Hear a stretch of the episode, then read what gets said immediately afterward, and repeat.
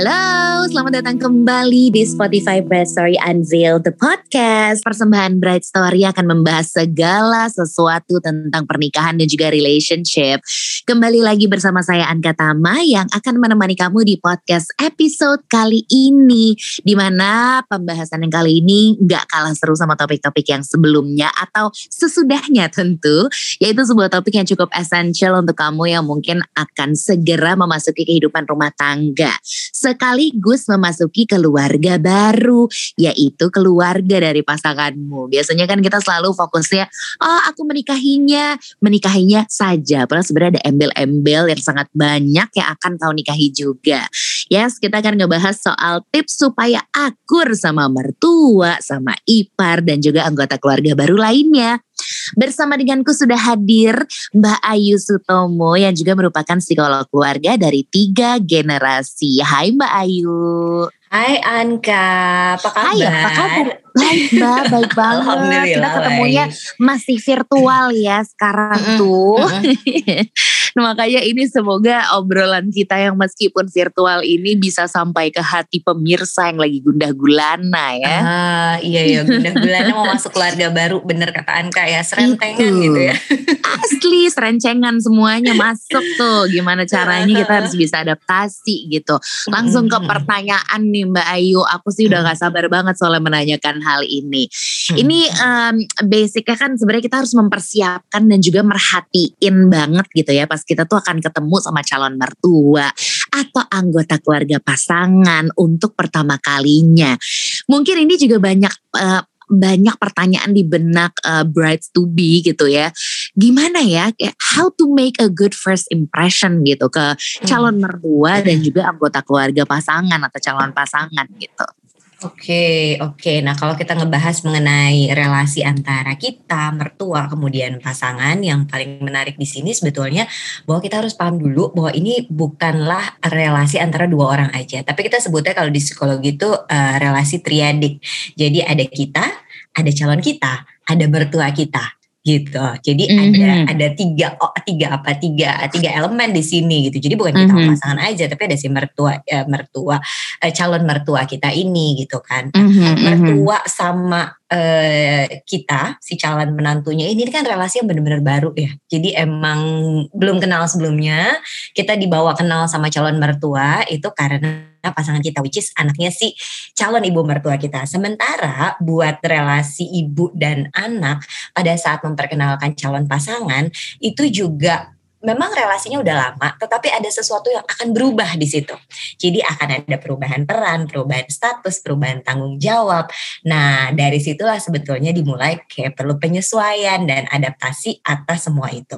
Dan karena ini Mhm. adalah relasi triadik atau relasi yang melibatkan tiga orang dan ada orang tengah di di, di antaranya gitu, maka kalau bicara mengenai gimana supaya relasi mertua dengan kita atau kita dengan calon mertua atau mertua itu jadi nyaman, peran si orang tengah which is pasangan kita itu nggak bisa disepelein. Jadi Iya, nanti benar. nih Lumayan- obrolan Lumayan yang bridging kita ke mereka gitu ya Mbak soalnya ya. Mm-mm, mm-mm. Jadi eh, kita eh, peran dari eh, dari pasangan kita itu memang Mhm. besar sekali dalam memperkenalkan atau membantu kita untuk berkenalan dengan cara yang baik eh, Mhm. kepada calon mertua kita gitu kan. Nah itu kan peran si pasangan kita. Tapi kalau dari diri kita sendiri apa nih yang harus dipersiapkan gitu kan?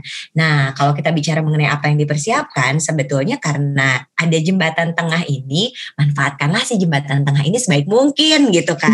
Artinya adalah satu minta dukungan dari pasangan. Dukungannya tuh bentuknya apa sih? Mulai Mhm. dari kita butuh tahu background keluarga kayak gimana sih, ibu orangnya Mhm. gimana, ayah orangnya gimana, adik-adik itu gimana, di dalam rumah Mhm. itu dinamikanya seperti apa.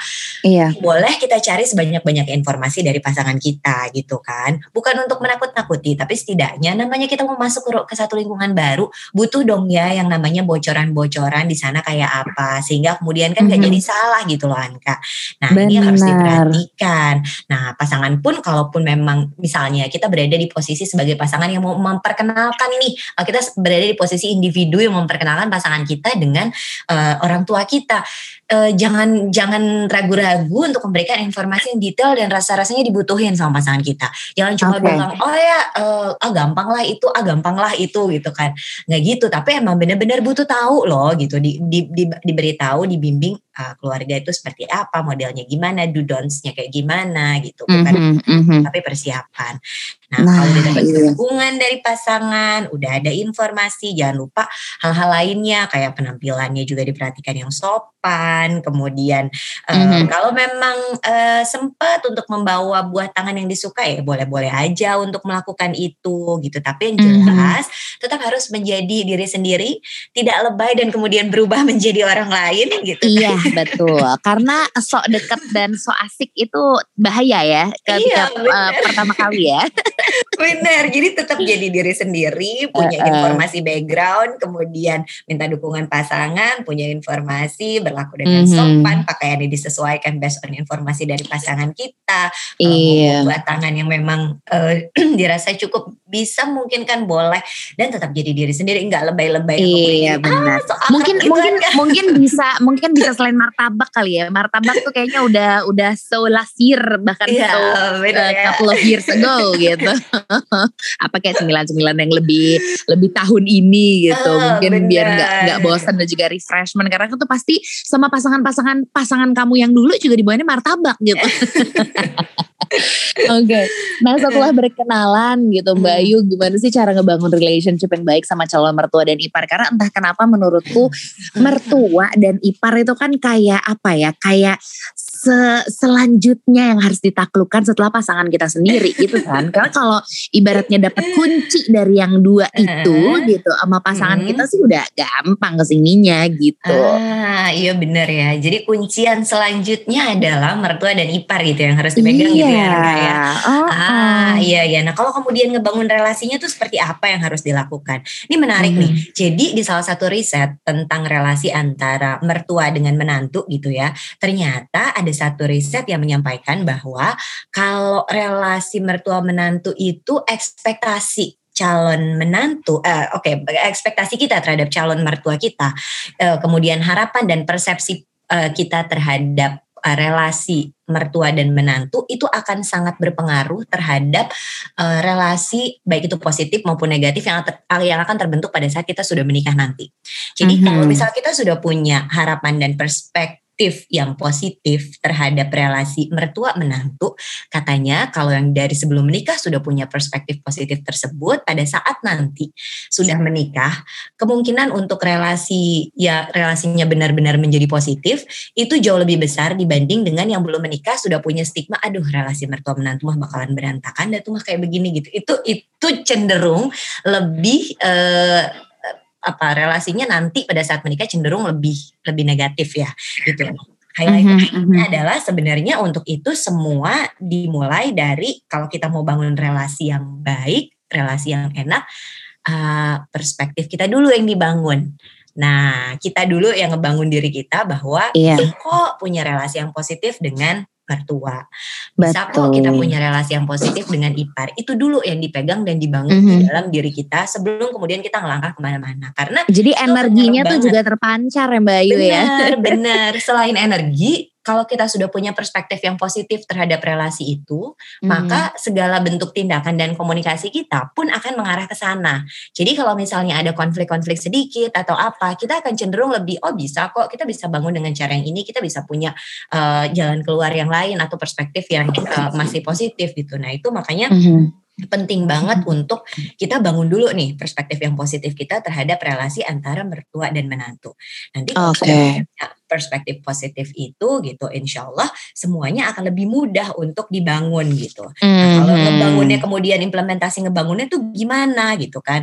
Satu dua hal yang bisa dilakukan gitu kan tentu dengan yang namanya communication, uh, communicating a social support. Jadi nanya kabar, kemudian berpartisipasi dalam acara-acara. Kalau udah udah dikenalin kan biasanya sudah mulai lebih banyak acara keluarga yang diajak iya. berpartisipasi ya. Betul. Gitu kan. Untuk mulai telepon, kemudian ada nggak mah yang bisa aku bawain hal-hal yang seperti itu itu mm-hmm. uh, sudah uh, bisa dibangun untuk kemudian meningkatkan relasi. Demikian juga okay. kalau sudah melangkah ke yang uh, sifatnya umum bisa mulai kemudian mengajak untuk berbagi pikiran, berbagi informasi gitu kan kepada uh, calon uh, mertua kita gitu. Tapi agak penting juga untuk di highlight di sini adalah perhatikan informasi yang kira-kira bakal dibagi nih. Jangan sampai kemudian informasi-informasi yang sifatnya sangat sensitif terhadap mertua kita atau calon mertua kita yang mungkin di rumah kita biasa aja ngomongin hal itu, tapi di keluarga pasangan kan belum tentu. Nah, itu juga harus diperhatikan pada saat rencananya kita atau planningnya mau level up relation atau meningkatkan hubungan, eh malah jadi ngerusak hubungan kan jangan sampai kayak gitu. Betul. Nah, nah ini nih soalnya akhirnya kan kadang ketika kita lagi membangun relationship itu yang namanya konflik nggak bisa dihindarkan ya. Syukur-syukur nah. tidak ada konflik. Cuman hmm. biasanya kalau based on uh, ya misalnya uh, uh, klien-klien Bayu gitu hmm. itu hmm, tuh hmm. konflik tuh bisa terjadi gara-gara apa sih Bayu?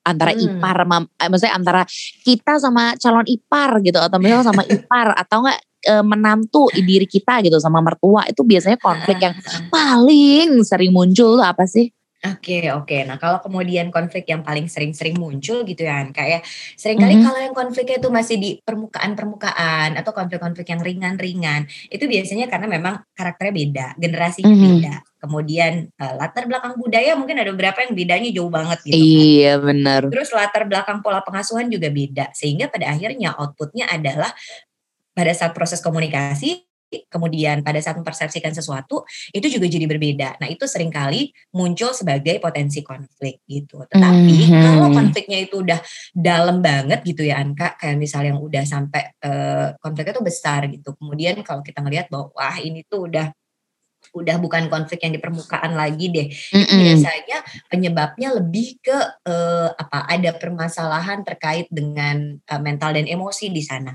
Misalnya oh. ada kayak memang ada separation issue atau emang ada isu di mana orang tuanya itu punya masalah untuk terlepas nih dengan si anak atau mm -hmm. kebalikannya si pasangan kita yang ternyata punya separation issue dengan orang tuanya emang gak siap sebetulnya untuk pisah dengan orang tuanya gitu kan atau kemudian ada isu-isu seputar kompetisi jadi berebut untuk mencari perhatian gitu kan dari si pasangan kita ini. Kemudian ada mungkin beberapa yang uh, keluarga pasangan itu kemudian adalah berada di uh, kondisi marital dysfunction. Jadi emang kebetulan mm -hmm kita berada dalam kondisi pernikahan yang kurang oke okay juga. Sehingga yeah, sangat yeah. membutuhkan uh, outputnya adalah loneliness yang pada akhirnya kemudian larinya ke kita dan pasangan gitu meminta iya. perhatian lebihnya ke kita dan pasangan. Nah itu biasanya sumber-sumber dari permasalahan yang sifatnya tuh terus menerus dan mendalam. Kalau di okay. gali gali gali bisa ke situ. Tapi kalau masalah yang ada datar-datar aja yang biasa-biasa aja biasanya ya beda karakter, beda generasi, beda budaya, iya. asuh. Bener. Gitu. Iya sih, yang repotnya tuh Mbak Ayu udah lagi hmm. ini nih nyiap-nyiapin pernikahan, lagi wedding planning, terus mm. tiba-tiba muncul konflik lah atau ketidakcocokan di situ. Itu gimana nyikapinnya? Karena kan ibaratnya jadi mertua juga belum, tapi udah kesel duluan gitu. iya ya, aduh gimana nih gitu kan harusnya pada saat uh. kita mengatasi konflik pada saat merencanakan pernikahan gitu. Nah sebenarnya mm. apa ya kalau kita melihat pernikahan di Indonesia sendiri gitu kan, kita ini kan e, menikah tadi seperti yang Anka bilang di depan, nggak cuma antara kita dengan pasangan kita, itu tuh keluarga besar gitu pasti kan akan ikutan juga gitu kan di situ. Betul. Nah kalau kemudian kita sudah berbicara itu pahami dulu deh pahami dulu kondisi itu. Karena dengan memahami kondisi itu kita akan jadi punya pemahaman bahwa oke, okay, ini bukan semata-mata acara kita berdua. Jadi kita perlu juga untuk kemudian uh, memahami bahwa oh orang tua mungkin ingin memberikan partisipasi, ingin memberikan kontribusi. Ini mm-hmm. adalah satu bagian dari ya udah budaya di Indonesia nggak bisa kita sulit, mungkin bisa bagi nggak semua orang seperti itu, tapi bagi kebanyakan lah kebanyakan gitu kemudian akan berada di yang orang tua ingin ikutan uh, partisipasi, pengen ikutan ide, pengen ikutan pemikiran dalam pernikahan kita. Nah, kesadaran bahwa ini bukan semata-mata acara kita berdua, tapi ada bagian dari keluarga juga akan mempermudah uh, kita melewati proses itu. Selain juga uh, ada di istilah di psikologi itu yang bilang uh, blood speaks to blood. Jadi artinya yang ngomongnya mendingan yang sedarah deh Artinya ketika kita ada konflik gitu kan ya, mendingan yang ngomong tuh pasangan. Jadi eh, berusaha sebisa mungkin untuk kita menyampaikan mm -hmm. apa kebutuhan-kebutuhan kita, apa harapan-harapan kita kepada pasangan, sehingga kemudian pasangan bisa dengan baik menjadi jembatan dan menyampaikan itu ke orang tuanya. Resikonya lebih kecil kalau kayak begitu. Iya sih, karena kan toh pasangan kita juga jadi, maksudnya pasangan kita sendiri pasti lebih ngerti lah gimana cara berkomunikasi Bener. sama ibunya atau maksudnya sama kakaknya, adiknya. Mm -hmm. Nah mm -hmm. ini kan yang yang kemudian akhirnya biasanya kan suka suka ber berkelanjutan ya. Syukur-syukur udah selesai di wedding planning doang gitu. Cuman mm -hmm. kalau kita ngomongin soal, aduh ini rada-rada nggak enak sih ya. Cuman terjadi gitu kadang ketika kita tuh punya mertua atau ipar yang toxic. Nah ciri-cirinya tuh macam mana tuh Mbak Ayu? Biar Aduh. mungkin bisa kedetek juga dan nggak bisa diajak perang juga kan udah jadi keluarga ya. Nah itu harus harus iya, kalian iya. kita cari solusinya gitu ketika uh, maksudnya kita ketika kita kan kadang butuh legitimasi perasaan juga ya tentang mm -hmm. ini benar nggak sih gitu apa gue doang yang nggak mau menerima atau emang mertua dan ipar gue toksik nah ciri-cirinya tuh gimana sih mbak Oke, iya ya. Kalau udah terjebak dalam situasi ini, terus harus gimana gitu kan? Terus kita memvalidasi juga, benar nggak ini perasaan-perasaan ini? Sebenarnya kalau kita berbicara mengenai toxic gitu ya, yang paling mudah untuk kita lihat itu ada sebetulnya tiga kategori relasi yang kita sebut atau orang yang kita sebut sering kali ini toxic. Bentuk output perilaku bisa macam-macam. Tapi biasanya over controlling, maunya mengontrol dan mendominasi secara berlebihan, kemudian punya kecenderungan untuk manipulatif, memanipulasi sesuatu gitu kan. Jadi memang -huh. uh, kondisi, keadaan, emosi itu dimanipulasi dan cenderung untuk judgmental. Nanti itu biasanya warna-warna itu deh muncul dalam setiap uh, interaksi, dalam setiap apa uh, konflik, dalam setiap apa komunikasi gitu kan. Kok ada kecenderungan-kecenderungan dan tendensi untuk over controlling, kemudian manipulatif and judgmental. Nanti output perilakunya bisa macam-macam, mulai mm -hmm. dari yang oh selalu benar, harus benar semuanya gitu kan. Uh, kemudian jadi kayak punya control issue gitu. Jadi pengennya mengontrol semuanya, kemudian semua harus manut dan tunduk apa kemudian yang di, di disampaikan gitu dan ide-idenya. Mm -hmm. Kemudian ketika tidak mendapatkan itu, kemudian play di emotion, emotion game mulai dari silent treatment, kemudian membuat merasa bersalah, kemudian menyalahkan atau bahkan ada yang mungkin ke direct intimidation yang sifatnya itu sangat-sangat direktif gitu mengintim uh, intimidasinya gitu. Belum lagi uh, kalaupun memang uh, apa namanya dalam dalam komunikasi dalam obrolan sering kali juga muncul yang judgmental gitu. Nah itu sebenarnya uh, apa cirinya gitu kan kalau kita lihat cirinya warnanya tuh kurang lebihnya gitu. Jadi ada kecenderungan untuk controlling, manipulatif, mm -hmm. Judgmental. Walaupun output perilakunya nanti bisa banyak banget gitu. Oke, okay, baiklah. Diingat-ingat ya, Bright. nah, lalu kemudian untuk cara diskusi nih sama pasangan Mbak Ayu. Karena kan okay. kita tuh kadang ada kalanya ngerasa tuh sulit cocok gitu ya. Maksudnya karena hmm. karena mungkin beberapa faktor yang tadi Mbak Ayu juga udah sebutkan gitu. Seperti apa sih sebaiknya peranan pasangan kita sebagai si jembatan itu tuh sebatas uh. atau kayak sejauh mana kita bisa memanfaatkan. Kan ada yang kayak dikit-dikit bilangin tuh sama kamu hebat gitu. Atau kayak kita harus saring dulu sampai titik uh, yang apa ya titik didih yang mana gitu Mbak Ayu Lucu bener, banget sih pembahasan. Bener, bener, bener. Jadi kita boleh ngomong gimana gitu. Ini mm-hmm. harus seperti apa ngomongnya ke pasangan gitu. Aku Karena dia banget. pasti kan kebayang gak sih itu kan bagaimanapun ibunya gitu. Nggak iya, mungkin bener. kita tiba-tiba kayak rese banget sih ntar ada juga dia marah balik ke kita begitu kan. Anka lucu banget sih. Jadi, iya. Uh. jadi emang bener Anka apa yang Anka sampaikan itu bener banget. Jadi kalaupun memang kita ngomong nggak boleh tiba-tiba langsung jreng kita ngomongin derut apa segala macam masalahnya gitu ngomongnya ada tekniknya tapi sebelum ngomong sebetulnya ada loh beberapa hal yang bisa kita lakukan dulu gitu sebelum kita pada akhirnya memutuskan untuk kayak perlu bicara nih sama pasangan kita apa sih yang perlu kita lakukan satu kita perlu untuk memahami diri kita dulu deh saat kita berkonflik dengan mertua dengan ipar gitu kan atau dengan keluarga mm -hmm Coba tarik secara spesifik isunya. Kita pelajari dulu isu itu gitu loh. Pelajari hmm. dan kemudian pahami isu tersebut di dalam diri kita. Memahaminya bentuknya gimana? Kita paham dulu kenapa sih hal ini jadi isu sensitif buat saya. Ada kok pasangan-pasangan lain yang ketika bicara soal ini nggak sensitif-sensitif amat. Kok aku sensitif banget ya sama isu masalah ini gitu. Mhm. Kita lihat dulu ke dalam diri kita, hal apa sih yang membuat isu ini kemudian jadi emotional button kita. Yang lain bisa nggak Oke. jadi sensitif, tapi saya demikian sensitif gitu. Nah, iya. kalau kita udah kenal itu, kita bisa jadi lebih oh ya ya jangan-jangan ini aku nih yang emang kayak kayaknya eh, perlu perlu perlu perlu apa perlu sedikit Kontrol memperbaiki lah gitu. di isu Iya, yang harus. ini gitu kan. Nah itu itu bisa kita coba untuk lihat ke dalam diri kita. Kemudian kita Hmm. juga bisa mencoba untuk kemudian berempati dulu, melihat dari sudut pandang ibu mertua kita gitu loh, atau ipar-ipar kita. Kenapa sih gitu eh, ibu mertua dan ipar kemudian melakukan hal tersebut? Kita coba dulu untuk memahami alasan-alasan kenapa sebetulnya eh, beliau di- kemudian memperlakukan hal melakukan hal tersebut. Kemudian kenapa sih beliau kemudian sangat concern terhadap yang ini? Nah, kita coba dulu dua hal tersebut. Harapannya kita bisa lebih maklum dulu, kita bisa kemudian lebih punya apa ya kayak oh ya mencoba untuk paham gitu kan atas eh, konflik yang muncul gitu sehingga nggak dikit-dikit isu sampai ke pasangan, dikit-dikit isu sampai ke pasangan. Kita juga bebenah diri lah di dalam ini kan relasi yang mau kita jalani berdua gitu kan dengan dengan Benar. eh, dengan ibu mertua kita akan selama-lamanya gitu kan harapannya. Jadi, Iya. juga perlu berbenah diri. Kalau emang udah itu dilakukan dan rasa-rasanya nggak tahan, perlu bicara dengan pasangan. Tapi itu juga ada tekniknya, nggak yang kemudian sembari ngomel gitu kan. Gunakan Mhm. teknik si eye communication atau komunikasi yang eh, senternya itu di saya. Jadi saya merasa, Mas aku merasa apa-apa-apa. Aku berpikir kalau ini diteruskan didiamin begini terus akan seperti ini.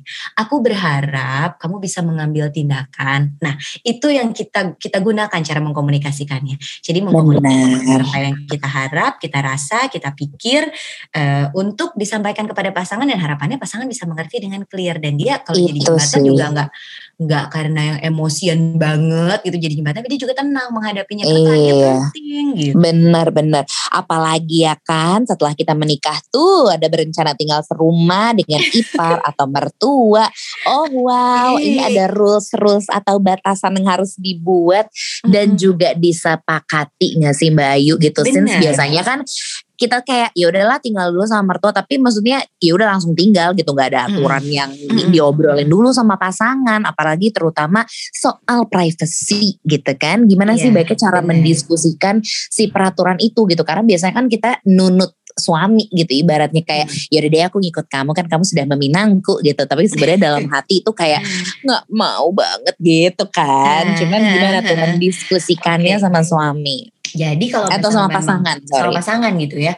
Nah kalau kemudian kita memang memutuskan untuk pada akhirnya tinggal bersama dengan mertua, dengan orang tua salah satu di antara kita, sebenarnya wajib banget tuh untuk bicara kelebihan dan kekurangan dan segala pertimbangan matang lainnya berdua dengan pasangan.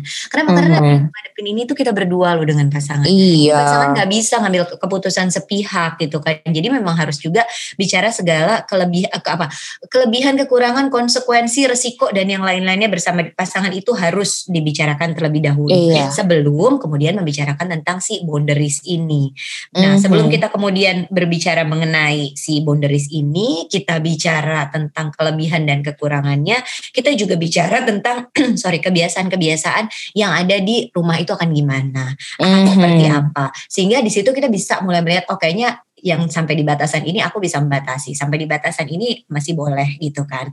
Dan Jadi nggak kaget-kaget amat lah Benar. ya gitu Kita- kita belajar situ. eh, eh, kita belajar juga tentang kebiasaan-kebiasaan mendengarkan termasuk juga kayak tugas-tugas rumah tangga. Di rumah tuh ada mbak nggak sih? Biasanya masak tuh siapa? Itu gimana? Sehingga kita paham betul oh di di rumahnya itu akan seperti apa. Walaupun nanti setelah diobrolin pun pada saat masuk pertama juga pasti akan ada fase terkaget-kaget gitu dan dan dan harus menyesuaikan nggak apa-apa at least sudah dapat gambaran dan bayangan Iya, Nah, sama lah kayak sama berarti kayak waktu kita pertama kenalan kan kita minta kisi-kisinya dulu gitu sama si Benar, pasangan kan gimana nih mama benar. kamu gimana sih orangnya nah itu sama pula ketika kita masuk ke rumah eh, eh, beliau gitu ke Hmm. ya kita harus tahu juga peraturannya kayak gimana jadi nggak nggak akhirnya tiba lah kenapa jadi bikin peraturan sendiri gitu Bener, tapi jangan lupa juga kita tetap harus punya privacy loh. Bagaimanapun, apalagi Iya. newlyweds ya, itu privacy penting. Jadi emang harus ada kita nentuin dengan pasangan bahwa ini loh area yang orang tuh nggak boleh masuk misalnya iya, betul. lantai satu lantai dua atau at least sekamar deh di kamar ini nggak boleh loh kayak kadang kala kan kalau yang di extended family itu keponakan ngeruntul lah gitu kan masuk perut Asli. itu kan kadang-kadang juga jadi problem kan ya buat sebagian Iya. pasangan nah itu juga dibicarakan gitu Uh, Itu uh, uh, harus uh, uh. masuk ke dalam topik pembicaraan termasuk juga Oke. sampai sejauh mana boundaries atau batasan itu keluarga eh sorry kita mau ter- kita kita memilih untuk terlibat dalam eh, konflik-konflik keluarga. Misalnya kalau ada extended kan kadang-kala ada konflik ya mulai dari masakan lah atau apa segala macam yang kecil-kecil. Nah pinter-pinter deh tuh untuk kemudian memilih topik mana sih sebetulnya yang mau kita terlibat topik mana yang sebetulnya udahlah gue ngikut aja gitu kan nah itu Mhm. itu penting tuh triknya Benar, benar. Nah, terus kemudian dampaknya nih, Mbak. Mungkin kan Hmm. kita selama ini kan cuman menjalani gitu kayak kayak misalnya ada konflik ya udahlah jalanin aja lah gitu. Tapi Hmm. sebenarnya dampak si konflik atau ketidakcocokan kita sama ipar sama mertua ke hubungan pasangan suami istri itu tuh gimana sih Mbak? Maksudnya se, se- mungkin serumit atau bisa seberat apa gitu sebenarnya. Kan Oke. kalau yang biasa-biasa aja sih ya udahlah jalanin aja lah gitu kan di, di ya Hmm. udahlah dilemesin aja lah gitu ibaratnya. Tapi kalau yang sampai dampak yang ter, ya misalnya dampak yang harus kita eh, apa ya waspadai lah gitu. Itu apa sih Hmm. mbak? Oke, emang ini tuh kelihatannya kayak nggak langsung duer jadi gede gitu kan. Ha, Kemudian numpuk kan soalnya kan. benar-benar. Jadi kalau misalnya memang uh, di di meja konsultasi gitu ya di ruangan konsultasi ini tuh termasuk yang big three-nya tiga besar penyebab kemudian uh, pasangan datang ke konselor pernikahan atau ke psikolog salah Mhm. satunya itu adalah si masalah dengan extended family atau yang mertua ipar dan yang lain-lainnya ini gitu kan itu termasuk tiga besar jadi kalau tanya uh, efeknya apa sih sampai sejauh apa sampai sejauh bisa menjadi salah satu tiga besar dari penyebab datangnya pasangan untuk ke Mhm. pernikahan gitu. Jadi bisa dibayangkan dampaknya itu seperti apa. Nah beberapa riset bilang bahwa kalau nggak tertangani dengan baik itu lama-lama akan menurunkan eh, kepuasan individu terhadap relasi pernikahan. Kan ada tuh ya kita mengukur kita seberapa puas sih dengan relasi pernikahan kita bersama dengan pasangan. Nah si konflik dengan eh, ipar, mertua kalau nggak diselesaikan dengan baik eh, salah satu outputnya adalah emang semakin lama makin turun tuh eh, kepuasan kita terhadap relasi pernikahan kita dengan pasangan. Nah itu nanti efeknya banyak banget.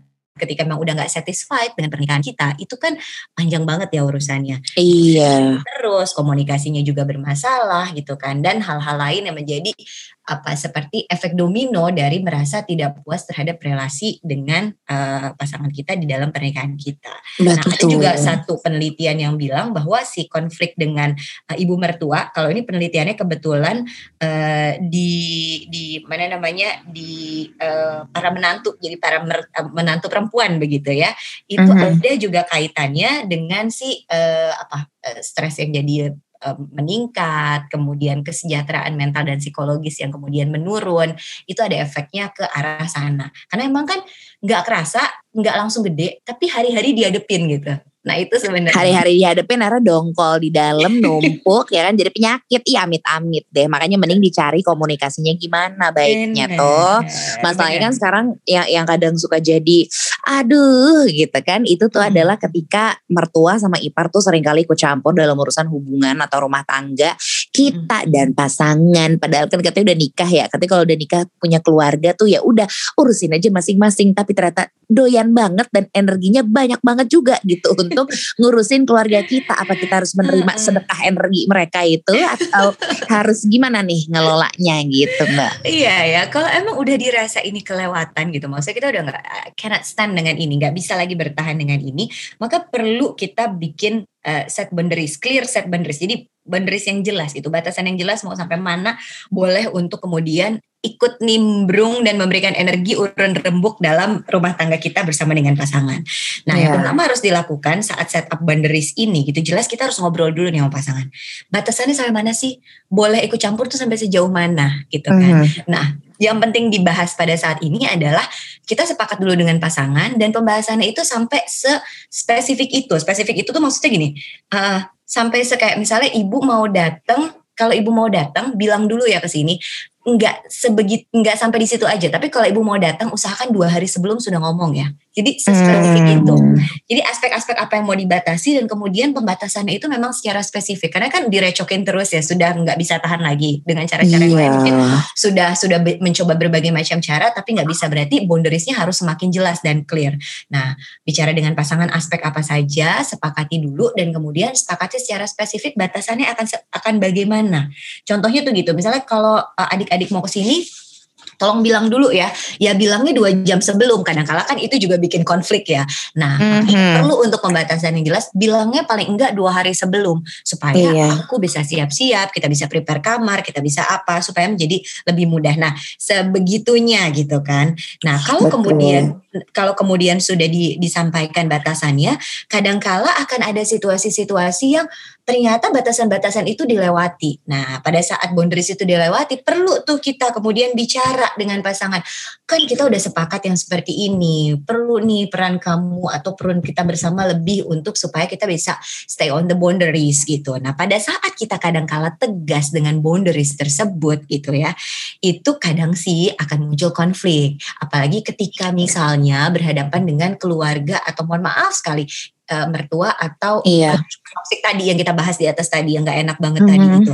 Nah kalau kondisinya memang seperti itu gitu loh kita tahu bahwa cenderung manipulatif, cenderung controlling dan judgmental, kita harus balik lagi bahwa set the boundaries, stick to the boundaries dan pada saat ada yang merasa oh seolah-olah sedih, seolah-olah dirugikan, seolah-olah apa, it's not our responsibility to fix their emotion. Jadi bukan tanggung iya. jawab kita untuk kemudian oh harus baik harus apa harus enggak gitu karena kita udah paham bahwa ini pola ritmenya adalah cenderung ke toxic cenderung over controlling manipulative and judgmental. Kemudian ketika nggak berhasil mendapatkan apa yang dimaui seolah-olah sedih dan set up rasa bersalah.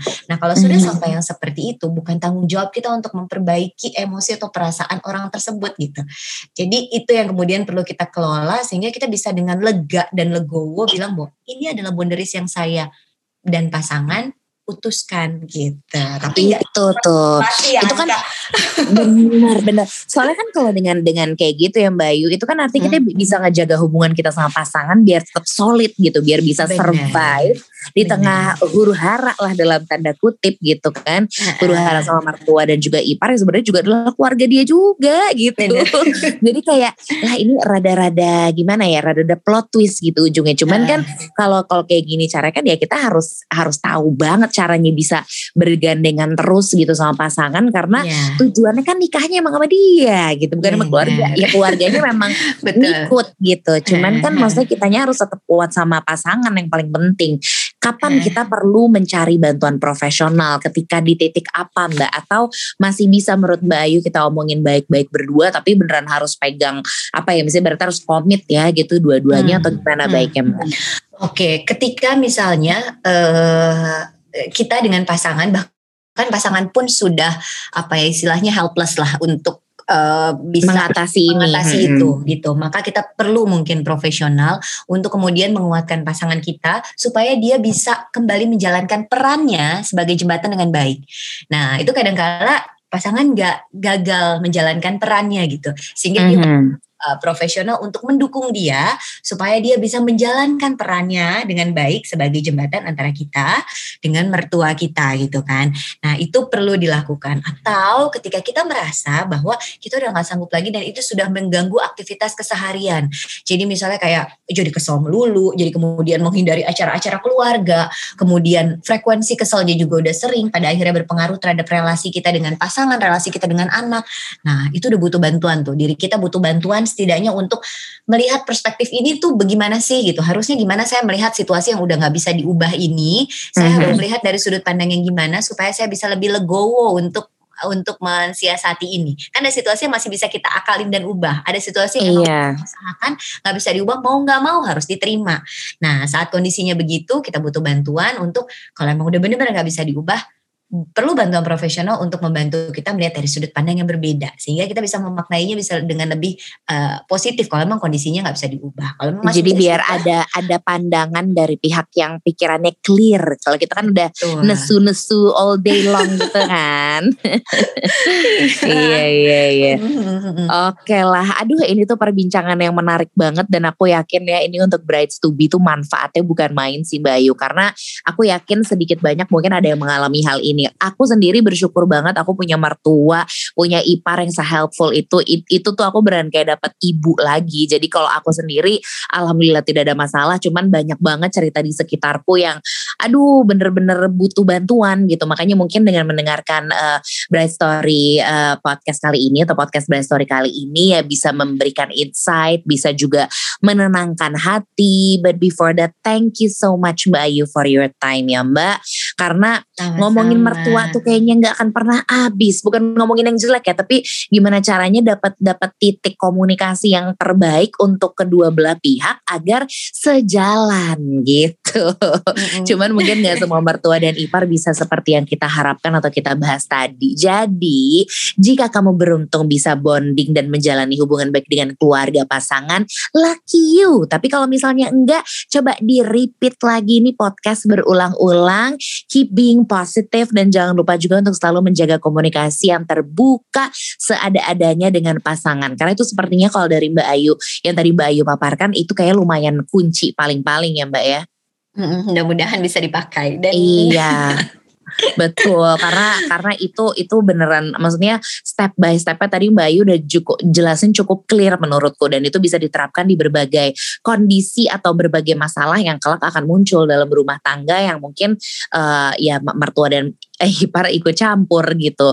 Lagi-lagi balik ke niat kita sih kayak kalau dari awal udah ih males deh gue, nah mungkin akan males selamanya. Tapi kalau kitanya juga membuka diri ngasih energi positif, niat kita baik ya mudah-mudahan sih nggak akan ada masalah yang gimana-gimana banget lah. Amin aja ya Mbak Ayu ya. Amin. Untuk semua bride to be.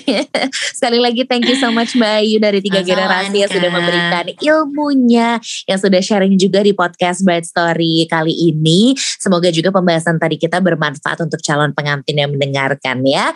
Right, jangan lupa untuk terus stay tune di Instagram dan juga Spotify Bright Story untuk nonton dan juga dengerin Bright Story Unveiled the podcast dengan pembahasan lain yang seru dan juga menarik seputar pernikahan dan relationship.